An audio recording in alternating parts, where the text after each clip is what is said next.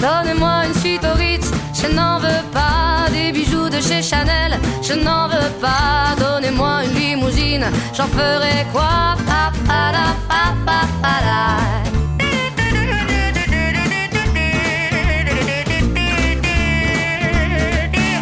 Solidaris. Idees que transformen. Idees com, per exemple, un festival de cinema fet amb llicència oberta, que vol dir a grans trets que totes les pel·lis que s'hi projecten es poden compartir, utilitzar o modificar per voluntat expressa dels seus creadors, que volen reduir les barreres legals de la cultura i de la creativitat.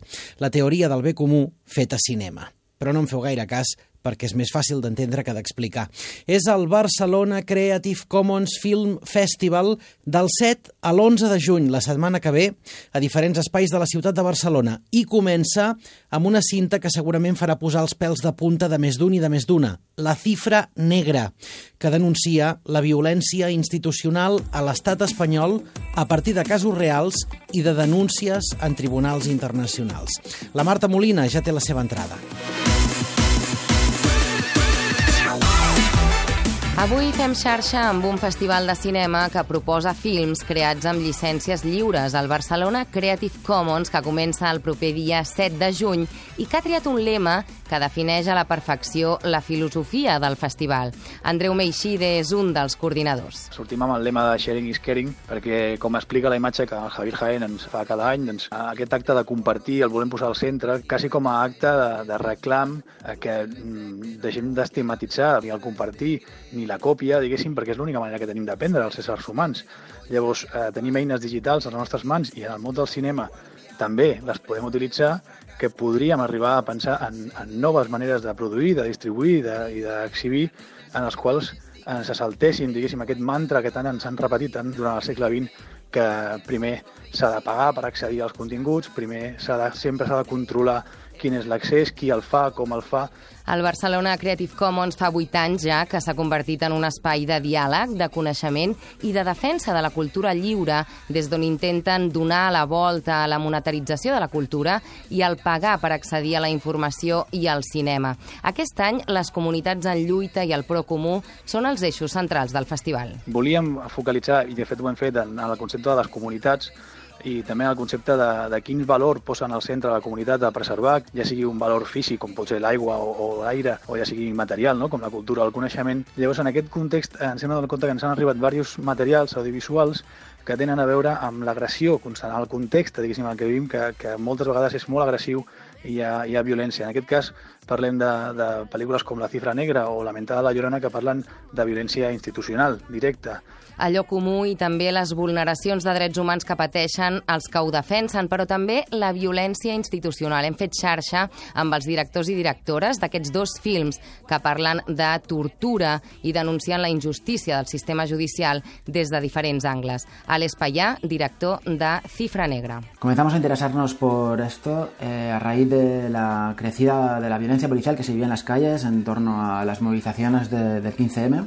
y fuimos conscientes también en aquel momento de que el Estado español eh, acumulaba ya siete condenas por parte del Tribunal Europeo de Derechos Humanos por no investigar este tipo de delitos. No? Primer em van fer ficar en una de les cantonades, de peu, eh, mirant contra la paret i sense poder-la tocar.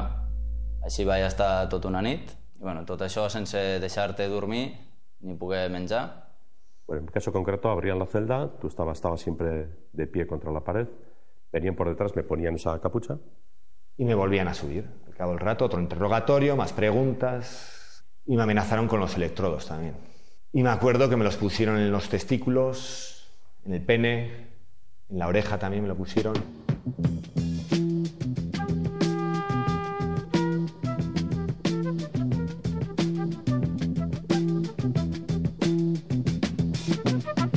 Els testimonis de Jordi Vilaseca, Marcelo Tamendi i Unai Romano parlant de les tortures que van patir quan se'ls va aplicar la llei antiterrorista i van ser detinguts. Però el documental toca altres temàtiques relacionades amb la vulneració dels drets humans i la violència institucional. Son situaciones en, en torno a movilizaciones sociales, en torno al, eh, bueno, al colectivo migrante, ¿no? En movimientos migratorios o en los centros de internamiento de extranjeros, casos en torno a detenciones en aplicación de la ley antiterrorista, Eh, nos hemos encontrado también muchos casos de prisiones, de centros de menores y casos de, de, personas que no pertenecen a ningún grupo social determinado, personas como tú o como yo, que en un día, en una dirigencia policial cotidiana, o por ejemplo un control o una identificación, eh, pues han acabado siendo agredidos, eh, maltratados o, o, o, vejados o humillados por parte de, de los agentes de, de la autoridad. ¿no?